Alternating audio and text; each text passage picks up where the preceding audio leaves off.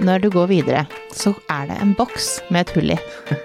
Og vi har vel fått noe sånt som 400 medlemmer, eller noe sånt. Hvordan er det å komme dit som for første gang? Utgangspunktet med BDSM er at du, man gjør jo mer komplekse sensuelle og seksuelle ting. Det er nå man lever, så man må gjøre det før det er for seint.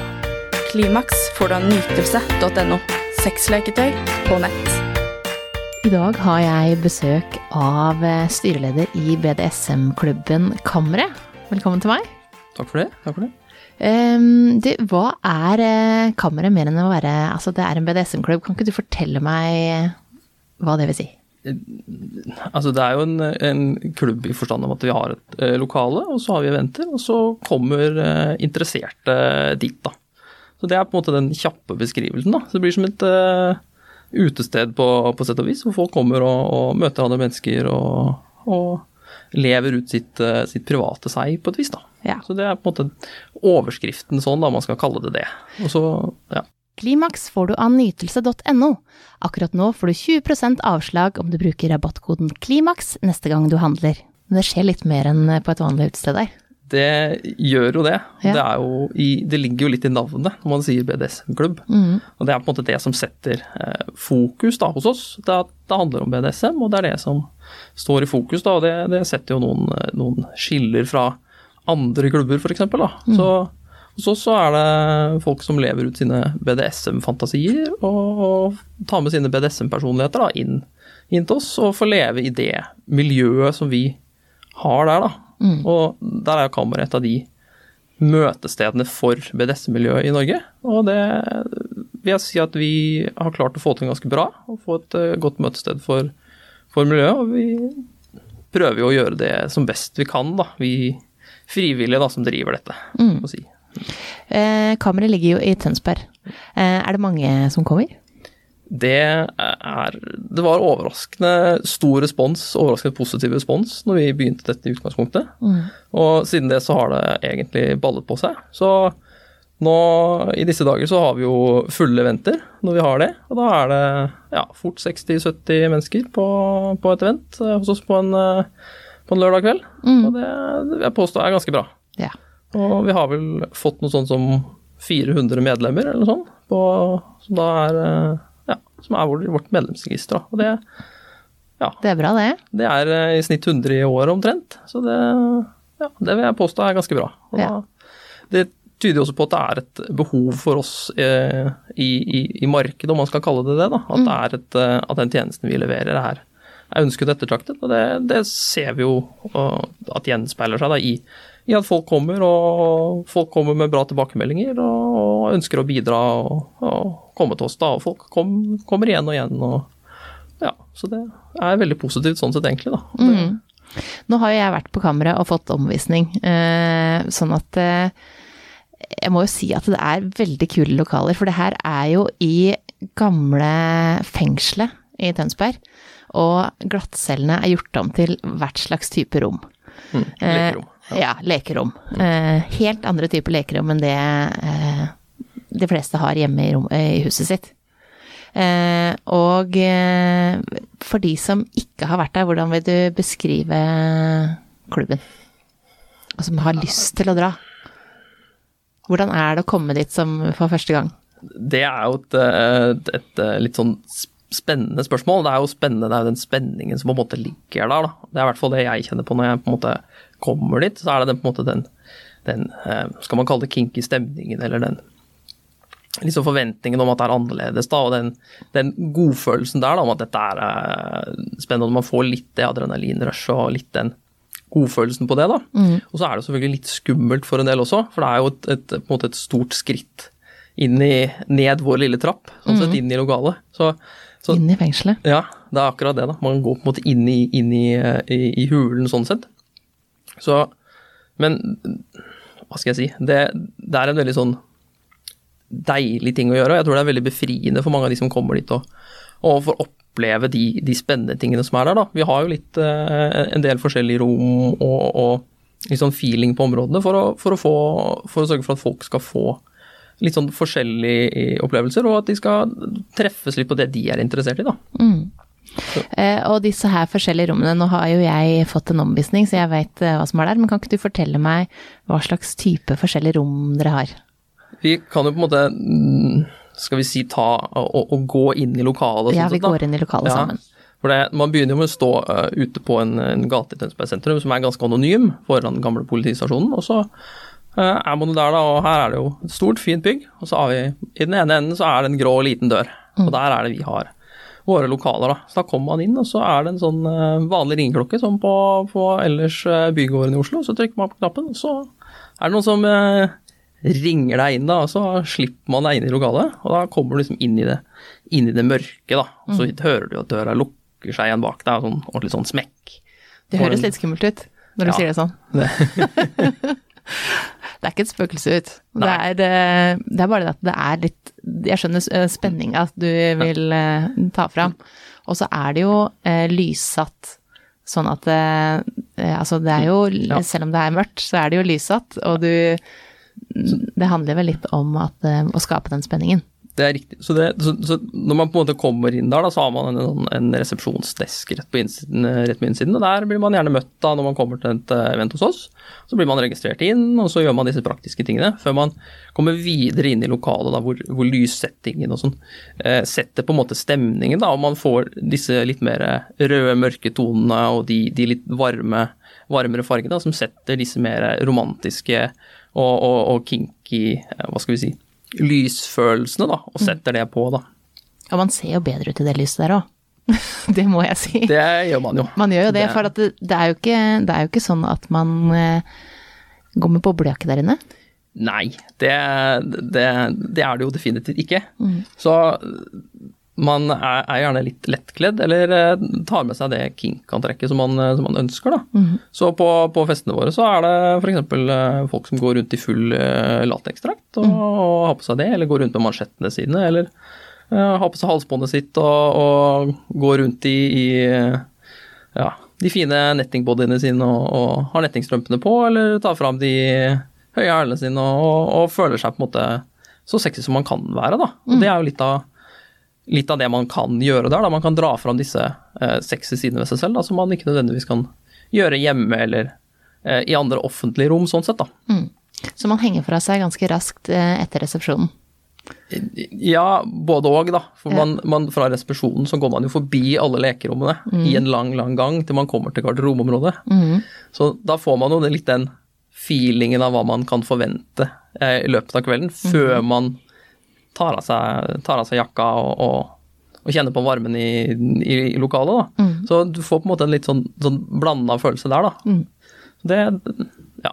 Jeg syns i hvert fall det er fint at man må på en måte gjennom litt spenning da, før man på en måte kan lande litt, da. Ja, for du går forbi alle glattcellene på vei bort til garderoben, og der kan du jo, eh, så lenge døra er åpen, så kan du jo kikke inn hva som skjer der. Og hvis du er heldig, så kan det jo skje noe der allerede når du er på vei inn. Ja, absolutt. Ja, sånn at, eh, og det er jo litt forskjellige typer rom. Hva slags type mm. rom er det? Altså, vi eh, har jo et, eh, et eh, rom som det er webkamera i, f.eks. Så Der står det jo en seng, og så er det et webkamera som alltid er på. Og der eh, blir jo videoen fra det rommet blir jo da eh, strømmet da inn til, eh, til resten av barområdet og loungeområdet. Da. Så da kan man jo se hva som foregår på det rommet. Så for de som liker den type ting, så er jo det en, en veldig kul greie, da. Eller så har vi et, et mer medisinsk rom, f.eks., hvor vi har en gynekologstol. Ja, jeg var eh, faktisk eh, nesten trodde at jeg gikk inn til eh, gynekologen jeg Og det er jo en gynekologstol, men det er jo hele rundt også, ligner jo veldig på Mm. akkurat sånn som det ser ut hos gynekologen, egentlig. Litt sånn legekontor, og det er jo litt av Det er akkurat det, som er er Nettopp det. Det er det som er poenget, å ta den uh, nurse-fetisjen, da, på et vis. Mm. Fantasien inn der, så man får liksom levd ut det. Og det er det mange som liker. Så Ja, det er et populært rom. Blant annet, mm. ja. Så det, det treffer en del, en del der, da. Ja. Og så er det jo helt relativt standard rom, da, hvor man har uh, type spankingbenker og, og, og mer de standard dungeon eh, BDSM-møbelrommene. Mm. Så man kan gå inn og leke og binde fast og, og slå litt på hverandre og spanke litt og alt det som eh, man putter inn under BDSM-kategorien i, i hvert enkelt parforhold. Mm. Og så er det når du går videre, så er det en boks med et hull i. Ja, den er flyttbar. Så du, Du kan flytte den rundt, ja. ja Så okay. det kommer litt an på hvor man finner den boksen. Men Ja. eh, det er jo en sånn eh, glory hole-boks. Mm.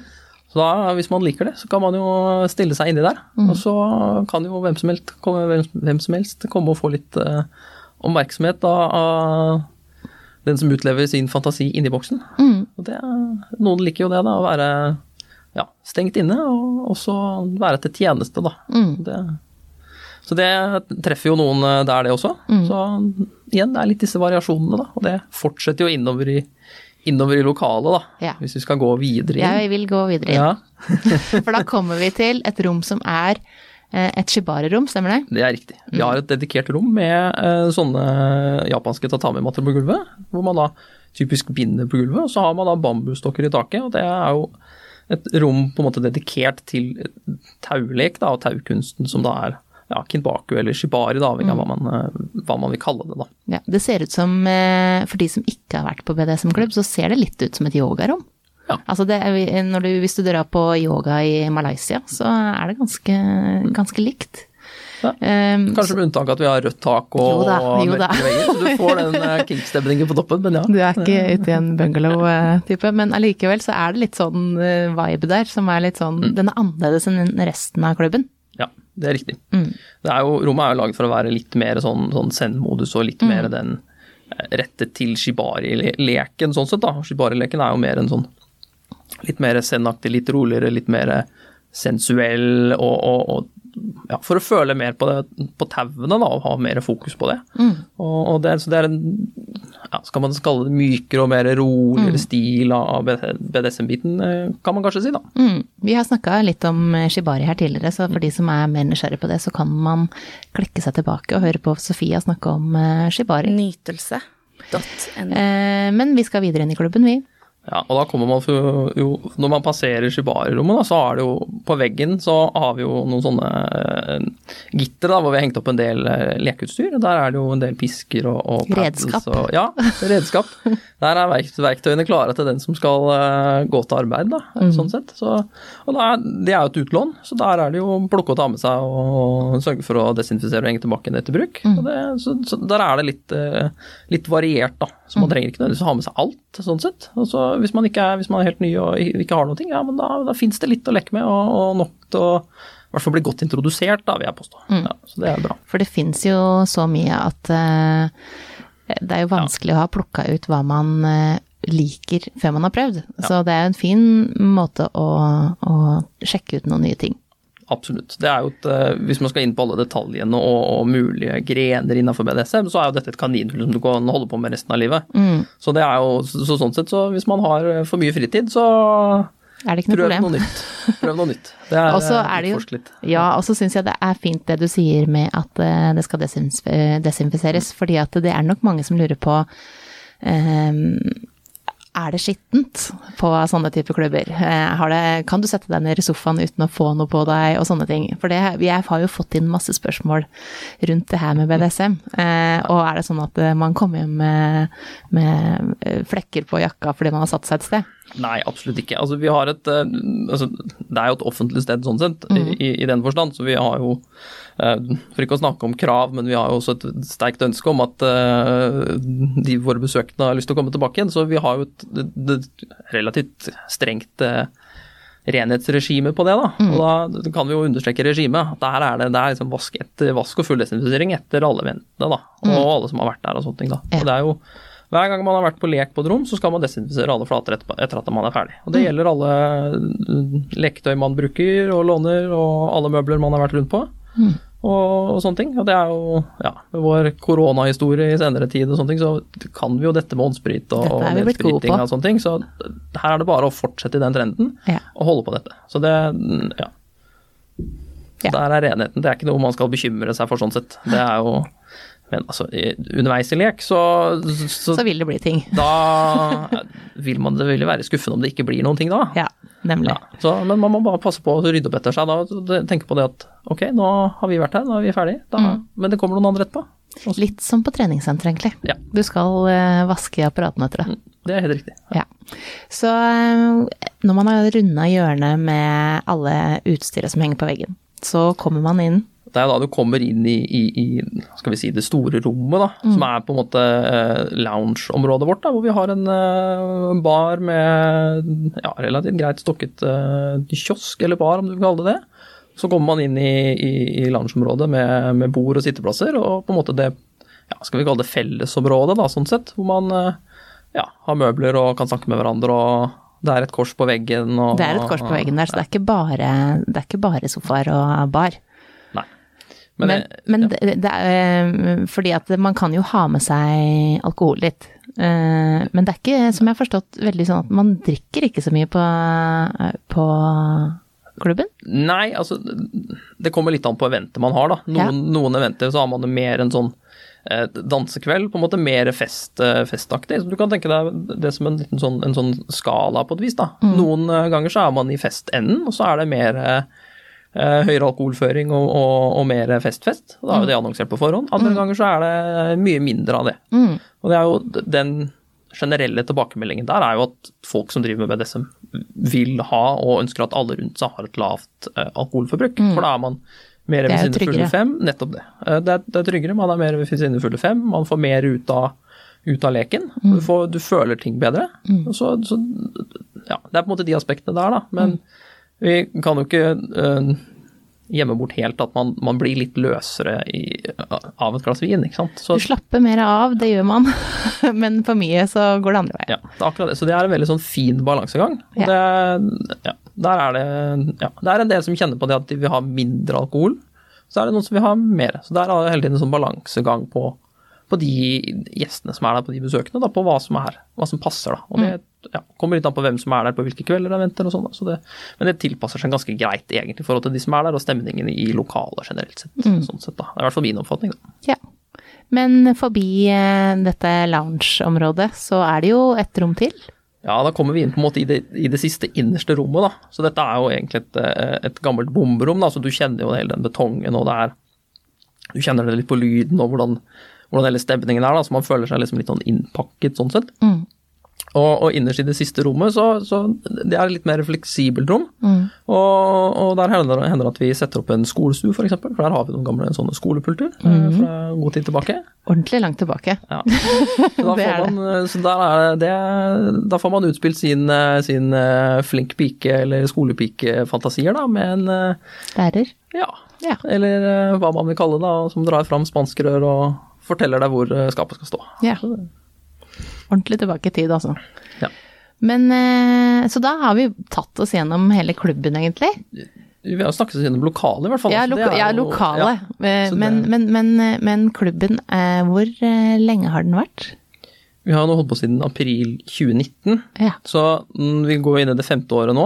Så det er vel eh, ja, det er vel én måned igjen, så er vi på femårs- eller fireårsjubileum. Mm. Da går vi inn i det femte året. Så det har vært en, en rask affære, holdt på å si. da. Vi har hatt noe korona sånn imellom, så, så, hva skal man si om det, da? Det har gått fra, fra 0 til 100 til å begynne med. Mm. Så vi, vi Historien bak der er jo at eh, jeg flyttet eh, hjem til Tønsberg, og så fant jeg ut at de tilbake igjen i 2018. Så ok, her må vi Hvor er BDS-miljøet, liksom? Da, da begynte jeg å lage noen muncher, og så var det overveldende mer respons enn jeg hadde trodd på det. Så det ballet jo på en måte på seg. Ja. Jeg tenkte jo at Tønsberg, som er en relativt stor by, ok, her må det være noe. Og så fant jeg jo da ut i ettertid at det var noen som hadde prøvd noen år før. Og da kom jo alle folkene tilbake. Så alle folkene var jo på en måte der. De var bare klare noen må ta det første skrittet. Noen må gjøre dette. starte. Ja, så da ballet det på en måte på seg der. Da. Så det var jo I 2018 så hadde vi en, en god del muncher rundt omkring i, i Tønsberg. og det, Så fant vi ut at nei, dette her er vi litt for mye på utstilling blant alle andre. Og så var det noen andre ildsjeler som fant et lokale, og da var vi på. Da var det bare sånn ok, her, dette er lokalet. Det, er, eh, det er det gamle fengselet. Det passer så bra. Ja. Der nede, der nedstengt, det er bortgjemt. Ok, her må vi bare kjøre på. Ja. Og da gjorde vi det. Og da gikk det fra vi hadde lokale, eller fra vi var der inne første gangen, til vi hadde åpningsfest, så gikk det seks uker. ja. Det var bare rett på. Det var på. bestemt. Ja, det var eh, litt sånn. Og når vi- først på en måte åpnet for at nå, vi har lokale, vi lager klubb, Mm.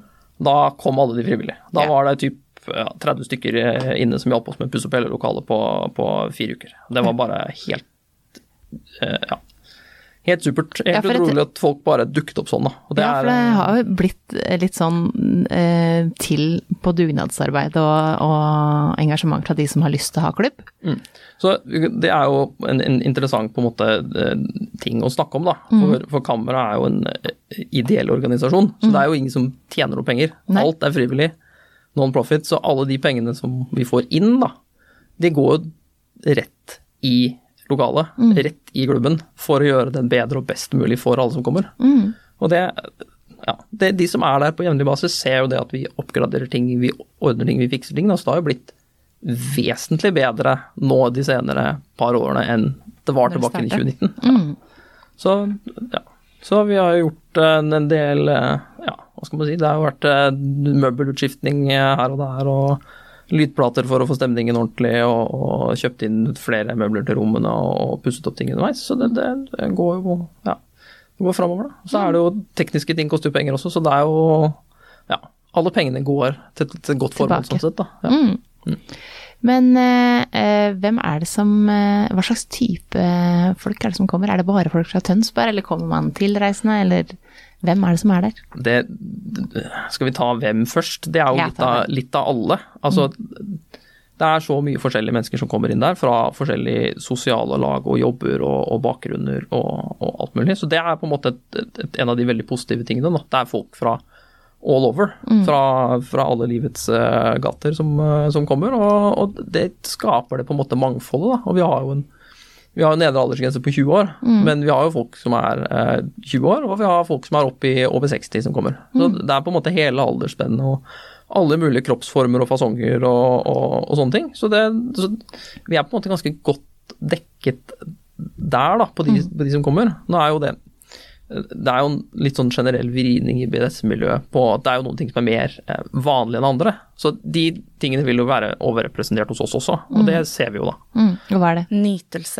Nytelse.no. Det er jo typisk dominante menn og, og underdanige damer. er jo den typiske konstellasjonen vi, vi ser, og det ser vi ganske mye av, da. Ja. Så det, ja. Men vi, vi prøver hele tiden å, å utvide, og vi har hatt eh, transeventer f.eks., og, og får de folkene inn. og Vi eh, har jo et, et femdom-event som kommer nå i, i april-mai en, en gang. Så vi på en måte prøver å tilrettelegge og, og, utvide repertoaret vårt, da, og så få, få dekket flest mulig sånn sett, da. Mm. Og det er jo Det kommer jo litt fra de frivillige som har lyst til å holde på, Mm. og, og det gjenspeiler seg jo hvilke folk som er der, ikke sant. Det er jo jo, jo, jo mindre gruppe mennesker som, er, som driver med det, jo vanskeligere er det å få til bra eventer, ikke sant. Så, Ja, sånn er det jo.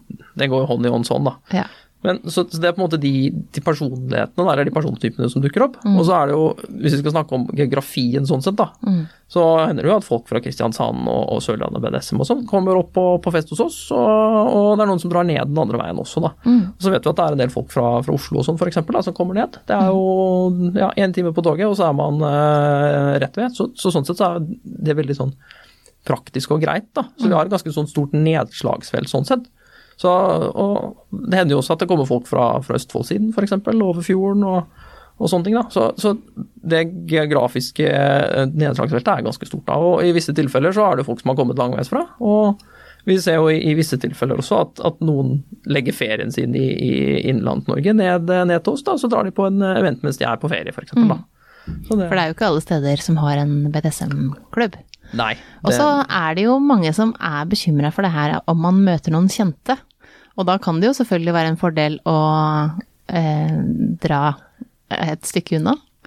Det er også en ting, da. Ja. Ja. altså det, så, ja. Og da, det er det som du sier, da, en fordel å dra litt unna, da. Men det er jo Når man er i et såpass lite miljø, da, så, så vil man jo på en måte kjenne folkene inn i miljøet etter hvert. Mm. Og så er det jo er det 10-15% som driver med BDSM, da. Så bare i et kontorlandskap så er det ja, det er noen rundt deg som driver med det, du Ja, ja. bare vet ikke om det. Så, Ja, så sannsynligheten for å møte på noen du kjenner eller vet hvem er, er jo ganske stor. Mm. Og Norge generelt er jo lite. Plutselig står du på flyplassen i utlandet og så ja, men du er jo naboen, ikke sant. Mm. Så det vil være tilfellet her også. Før eller siden så møter du noen du kjenner. Det er bare et spørsmål om tid, da. Mm. Og det, der vil jeg kanskje si at fordelen med å møtes på en BDSM-klubb er jo at da er man jo innforstått med at den andre parten syns dette er greit. Mm. Så da så da tenker jeg at eh, jeg tenker i hvert fall at den biten ikke er så problematisk, da. problematisk. Selv om det kanskje vil være litt pinlig akkurat der og da. Er det, og er du her? Mm. Det hadde man ikke trodd. Så, men det kan jo lede til nye vennskap, ikke sant. Så Ja. det, det kan jo være både positivt og negativt, det, da. Mm. Ja, for det har jeg jo fått inn som spørsmål stadig med de som ikke har vært på en klubb eller på et vent eh, tidligere, at eh, de kan være litt redd for at man skal møte noen man kjenner og bli dømt for det. Men som jeg ofte har sagt, så er man jo der av samme grunn, eller altså ganske, samme, ganske lik grunn. Eh, sånn at eh, man må jo også tenke på det. Ja. ja men altså, du har jo tilfeller hvor eh, i de ekstreme tilfellene så kan jo, kan jo barn og forelder komme på samme klubben. og Da får du kanskje en annen problematikk. Da, En annen eh, dynamikk. Så da, men det, med, med det, det aldersspennet vi har, da, så er det en, en realitet som kan inntreffe. Og da, da, ok, men da får de to sette seg ned og snakke om det, da. Ja. Og da er man innforstått med at ok, men begge har den interessen. Ok. Kanskje man skal velge hvem som skal være der og hvem som ikke skal være der, og så får man mm. Diskutere velge og finne seg ut ut av det. eh, da. annenhver gang eh, type greie. For eksempel. Men da kommer man ned til det de viktige tingene, da, som er kommunikasjon. Man må snakke om det, så må man finne ut av hva, hva man gjør. Da. Og det er den dialogen som løser dette problemet, tenker jeg. Ja, og det, akkurat det føler jeg på en måte det miljøet her er ganske flink til, å snakke om både hvordan man skal gjøre ting og, og løse litt mer enn Ofte de jeg prater med, føler jeg er flinkere til å diskutere seg fram til ting eh, enn i et vanlig vaniljeforhold. Eh, og prate om hva, hva man liker, eh, hvordan man skal gjøre ting, hva man ikke skal gjøre. Ja. Der er det mye mer satt i BDS-miljøet, stemmer det? Altså, det Både ja og nei. Altså, Jeg vil tro det er litt sånn at noen klarer det veldig bra, mens andre er veldig dårlige på det. Så du får liksom ytterpunktene der også. Men utgangspunktet med BDSM er at du, man gjør mer komplekse sensuelle og seksuelle ting. Så bare der må man på en måte være mer klar på ok, hvordan gjør vi dette, eh, hvordan skal vi gjøre det. Og da kommer disse tingene inn. Siden det er så mange ting, så må man også stille spørsmål. Hva er det du liker, hva er det jeg liker? Hvor møtes vi på midten? Kan vi gjøre dette, kan vi ikke? Så og Det er på en måte veldig utfordrende der da, på en måte finne ut av, av, av, av hva, i hvilke, innenfor hvilke rammer skal, skal du og jeg leke. ikke sant? Det, og det, det, det er en mye vanskeligere ting da, med, med det som, som er en eh, Det er en annerledes ting, da. Vanlig vaniljesex er jo på en måte mm, ja, alle driver med det. Man tenker ikke så mye om det. Det bare ligger der, og så, og så går man, eh, kommer hverdagen og tar det, fordi dette er helt normalt. Så snakker man ikke om problemstillingene som kanskje er der, da. Som man egentlig bør, og kanskje må gjøre i utgangspunktet. Alle må gjøre det. sånn at, eh, og så er jo det rom for veldig mye problemer i forskjellige forhold. Ja. Og det, der kommer på en måte BDSM en litt til unnsetning, for du, du får det behovet med en gang, da. Du må Du må prate sammen. Ja. Man kommer inn i BDSM for ok, skal du og jeg ha et eh, forhold som også har BDSM? Greit, da må vi snakke om dette. Du må på en måte ta din til å begynne med. Hvis, man ikke, hvis man ikke snakker om det sånn, da, da ender man jo opp litt tilbake i vaniljeforholdet hvor man har noen ting eh, ja, bare noen ting med seg. Da. da har man kanskje bare litt røffere sex og noen håndjern her og der, uten å på en måte ta BDSM helt ut, da, som partene i det forholdet kanskje trenger da, og, og ønsker. Og så, så, ja, så må man også passe på det at uh, det kan hende det er en part i, i BDSM-forholdet som ikke er uh, fornøyd nok eller føler seg på en måte sett og hørt godt nok, da, fordi man ikke har snakket om det godt nok. Altså, du har den problematikken her også, men terskelen for å begynne krever mye mer kommunikasjon. da. Så jeg tror der så kommer BDS-miljøet litt grann foran. Det er på en måte den parbiten av det.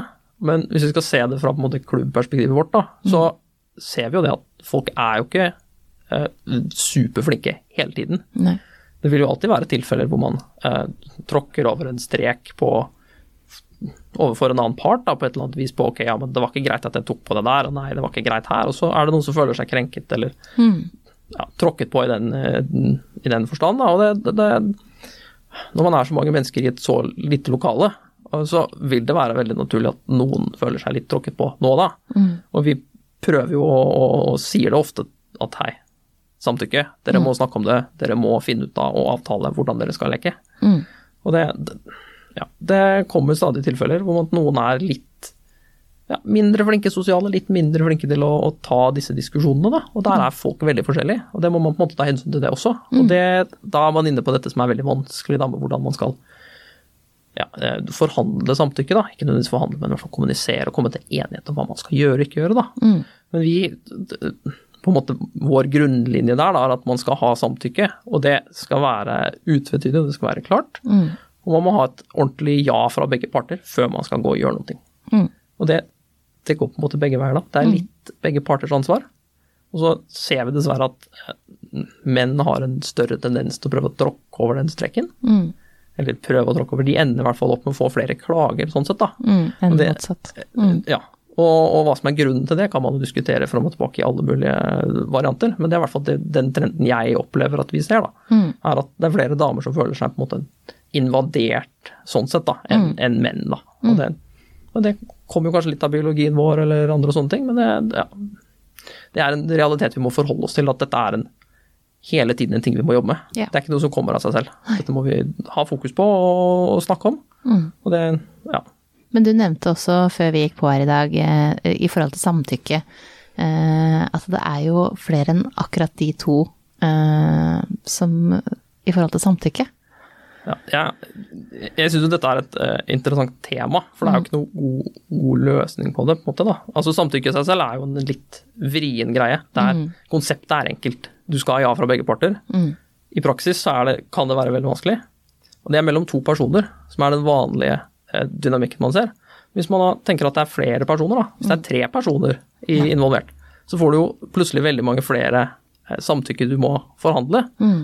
For ikke å snakke om at hvis det blir flere personer enn det i en pute også. også. Og så har man jo den problemstillingen som jeg syns er litt interessant, da, som jeg også sitter i, og som kanskje mange andre i BDS-miljøet også sitter i. da. Ja, men jeg og partneren min, vi er enige. Men hva med familie og venner rundt? Hva med den tredjeparten, da? Hvordan, hvordan kan jeg ha samtykke til, til andre? Har andre samtykke til meg der? Mm. Og det er jo eh, og det tror jeg er en av grunnene til at folk velger å være ganske anonyme i BDS-miljøet. At man prøver å, å, å, å verne om ja, litt seg selv, men også om den tredjeparten, da, som ikke nødvendigvis kan gi det samtykket. Da. Mm. Og det er jo Nytelse.no. Ja, du får jo på en måte en part som eh, ikke egentlig kan gi samtykke, fordi man vil ikke spørre de om samtykke. Så man gir de på en måte ikke noe valg, da. Nei. For eksempel, eksempel- får alltid, aldri vært med på diskusjonen engang. Ja, ikke sant? Så det er på en måte en, en beslutning man tar på vegne av noen andre. Og det er typisk barn til foreldre. Ok, skal man komme ut av skapet? Dette er jo på en måte det samme problemstillingen som homofile. ikke sant? Skal de dele sin legning? Ja, nei. Det blir jo ja, Skal vi i BDS-miljøet dele våre soveromsaktiviteter med, med, med venner og nære bekjente? Selvfølgelig, det er alltid noen som vet. Mm. Men har vi, har vi behov for, eller ønske om å dele det med andre? Mm. Og for ikke å snakke om da, hvis man skal ta det på en måte ett steg videre, da, hvilke, eh, hvilke, hvilken betydning har dette? Hvilke konsekvenser har det av å, å snakke med andre om det? Og den går jo begge veier, da. Hva, hvilke konsekvenser har det at jeg deler mi, mine interesser med andre? Og, og hvilke konsekvenser har det av at jeg ikke deler det? Sant? Så, så det kan være på en måte både og, da. Og, og, og den diskusjonen, på en måte, den, den opplever ikke jeg at vi har på noe, på noe stort sted. Da. Man snakker gjerne om, om samtykke mellom én og én person, eller i, i små grupper, da. Men på en måte til samfunnet som, som generelt, så snakker man kanskje ikke så mye om det, da. Og det er jo, eh, som leder av en av BDSM-klubbene i Norge, ok, jeg må på en måte forholde meg litt til hva med alle naboene våre? Hva med, hva med miljøet rundt? Hva, hvilket image er det vi har utad? Hvilke, litt, litt sånne ting, da. Hvor mye av, av vår på en måte ja, erotikk skal vi, skal vi på en måte eh, legge ut på, på de som er, er rundt oss, da. Det er ikke sikkert at eh, at naboen eller, eller eh, hva skal vi si, leiertakeren i enheten ved siden er interessert i det vi holder på med. Det kan hende de tar Nei, fordi- avstand til det, ikke sant. Ja, for de fleste er jo ikke så veldig opptatt av hva naboen driver med, annet enn at man tror at naboen har veldig mye sex. Det er jo undersøkelser som viser. Og at man sammenligner seg med det og tenker at vi har veldig dårlig. Men de fleste snakker jo ikke med verken foreldre eller naboer om når de har sex, hvordan sex de har. Eh, Det er jo veldig sjelden, i hvert fall. Og noen Det kommer jo helt an på hva slags forhold man har til hverandre. I noen familier vil det være mye åpenhet, og man er vokst opp med at det er helt normalt, og det snakker vi om, mens andre er, snakker man ikke om noen ting. Sånn at det, det er jo veldig forskjellig. Jeg tror det er så jeg, jeg, jeg tror vel at dette er en ting som man bør tenke litt på. Og ikke nødvendigvis åpne dialogen om så mye, for det kan jo åpne et uh, vepsebol i en eller annen ende som man ikke vet noe om. Så, men man, jeg, jeg tror man burde gjøre opp seg noen meninger og noen, noen tanker om, om hvordan dette fungerer, da, og hvordan man gjør noe med dette. Og så tenker jeg at i, i kanskje til syvende og sist er det ikke nødvendigvis så viktig å, å snakke så mye om det så lenge man har et ok forhold til det, og det ikke er problematisk. da. Det vil si jo det at eh, ok, men alle i BDS-miljøet går på jobben hver dag. Mm. Vet arbeidsgiver om at de driver med BDS? Sannsynligvis ikke. Nei. Og I veldig, få, I veldig få tilfeller, i hvert fall. Og da er på en måte det, det, er på en måte det greit. Da har man et, et, et, eh, et forhold der som fungerer greit. Man trenger ikke nødvendigvis å snakke så mye om det da, men i hvert fall gjort seg opp noen tanker om, om det. Og hvis man skulle vite, hvis man skulle komme ut for den situasjonen om at ok, nå vet noen, nå er katta ute av sekken, ok, hva gjør man da? Mm. Og det er jo, som leder av Norges største BDSM-klubb og et uh, rikt arbeidsliv, så, så er dette en reell problemstilling for meg. Altså. Så jeg har på en måte ja, så det, det er, Jeg tror det er ganske mange som vil rynke på nesa og stille noen eh, kritiske spørsmål hvis, hvis de får vite hvem jeg er, da. Og da er det som sånn, ok, ja, hva da, liksom? Mm. Så det Og det skjønner jeg veldig godt. At man eh, Det er opp til hver en- enkelt, tenker jeg. Og for dem som vil stå fram og si 'det her er meg', og sånn 'det her står jeg for', så er det jo fint for de som føler seg veldig alene og ikke vet om, om dette her er noe For veldig mange føler jo at det, det her er det bare meg som har. Denne kinken er det bare jeg som har. det- Jeg er sær og rar. Og så når noen står fram og sier at det, nei, den er det 15% andre som har også, så er det, føles det jo tryggere. Ja. Eh, selv om man ikke nødvendigvis vil stå og slå seg på brystet eh, på jobben og si at man gjør det selv.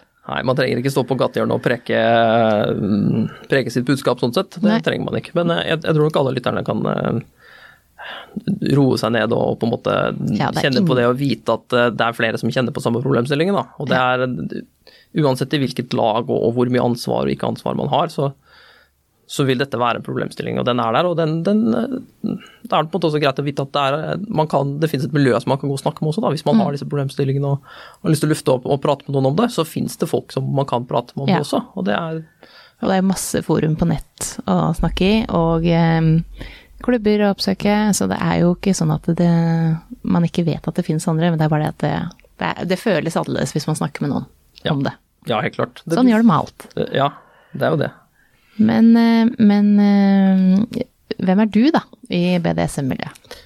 jeg, jeg tror det er litt todelt, på en måte. Det er jo de som det er, Jeg tror BDS-miljøet som på generelt grunnlag ser på meg som lederen for kammeret. Som er på en måte det det er på en måte det, jeg- det jeg har gjort, da. Det er det som står på en måte på den profilen jeg har. sånn sett. At det er på en måte det som den jeg er der, og det er på en måte den rollen som er mest uttrykt for meg som person i BDS-miljøet. da. Så det er på en måte en jeg passer på at den klubben går greit, og sørger for at vi, vi prøver å etterleve og, skape det best mulige samlingsstedet for, for, alle BDSM, for hele BDS-miljøet. Mm. Det er på en måte den rollen som jeg tar, da, å passe på at klubben går greit og at alt alt er i orden. Så jeg har liksom den kjedelige byråkratiske delen der. Det er på en måte meg i den, i den rollen der. Og så er en, en, en del av det er jo at jeg ønsker at vi skal ha et, et godt og rikt BDS-miljø. Og, og, og skape det mangfoldet. Og passe på at vi har et sted som er trygt for, for alle, og at man skal føle seg velkommen og kunne komme inn i det. Og for alle de nye som er inter- interessert og nysgjerrige og sånne ting, at de skal komme inn og få lov til å dyppe tåa si i dammen og finne ut om, om vanntemperaturen passer for dem. Passer for dem. Og så, ja, så det er på en måte den biten, da. Og så mm, har jo jeg en partner som, som liker litt BDSM-ting, da. Og, og jeg liker jo det selv også. Så så det er på en måte den mer en sånn privat hjemmebane greie, da, om man skal kalle det det. Så jeg har på en måte skilt de to en, en, en del. Det har på en måte blitt litt sånn, da, for min partner er veldig privat. Og da må jeg på en måte forholde meg til det, da. Og, det, og da er det ja, prate lite om ting, eh, sånn sett. Egentlig dele litt ut, være lite ja, gå lite på klubb og være litt ute i, i, i miljøet sånn sett. Men ja, jeg føler på en måte at jeg tar min, min del, da. Ved å, Ved å være leder. ja, ved å passe på litt, da, og sørge for at det blir, blir bra. Og det hadde jo aldri gått uten et, et fantastisk bra frivillighetsmiljø, da, som er de frivillige som sånn, den, den ildsjelgjengen som kommer og gjør, gjør all jobben til daglig og dukker opp og, og lager alle ventene og, og passer på at lokalet er vasket og at vi har alt det på stell. Da. Der er det jo en kjempeflink gjeng som gjør alt det der. Mm. Så det, det er all skryt til de for det. Yeah. Det ja. Ja, men vet du hva, jeg syns det var veldig spennende å høre om kammeret. Og jeg tenker at eh, jeg skal oppfordre alle som har vært nysgjerrig om å ta seg en tur og besøke dere. For eh, det er virkelig et eh, lokale som er verdt å se. Det må jeg bare si, for nå har jeg jo vært der. sånn at det, det bør man hvis man er nysgjerrig på å teste ut BDSM. Og så trenger man jo ikke å teste ut første gang man er der, man kan komme bare for å kikke. Ja, altså, Det er jo et interessant eh, punkt også. da. Mm. Vi har jo kafeer på onsdager, som er en lavterskel, eh, mer veldig sosialt fokus. Hvor det er mye mindre lek og, og BDSM-fokus, men der er det fokus på menneskene og kjenne hverandre og, og ja, komme inn i miljøet og snakke med folk. da, Mm. eh, Og bli kjent med folk. Mens festene på, i helgen er jo mer en sånn litt mer la oss leke-fokus, da. Mm. Så, det, ja, så jeg vil jo alle oppfordre alle som er interesserte da, til å, å komme og bli tatt godt imot og og den biten er da utforske litt, eh, tørre å tråkke over terskelen og ta dørstokkmila på en måte et steg videre, da. Mm. Og det er eh, Jeg tror ikke jeg vet om noen som har gjort det, som angrer i ettertid. Så det er bare å begynne nå, og, og gå og prøve å utforske. Det er Ta en tur eh, og besøk fengselet. Mm. Det syns jeg skal gjøre. Takk for at du kom. Takk selv. Klimaks får du av nytelse.no. Sexleketøy på nett.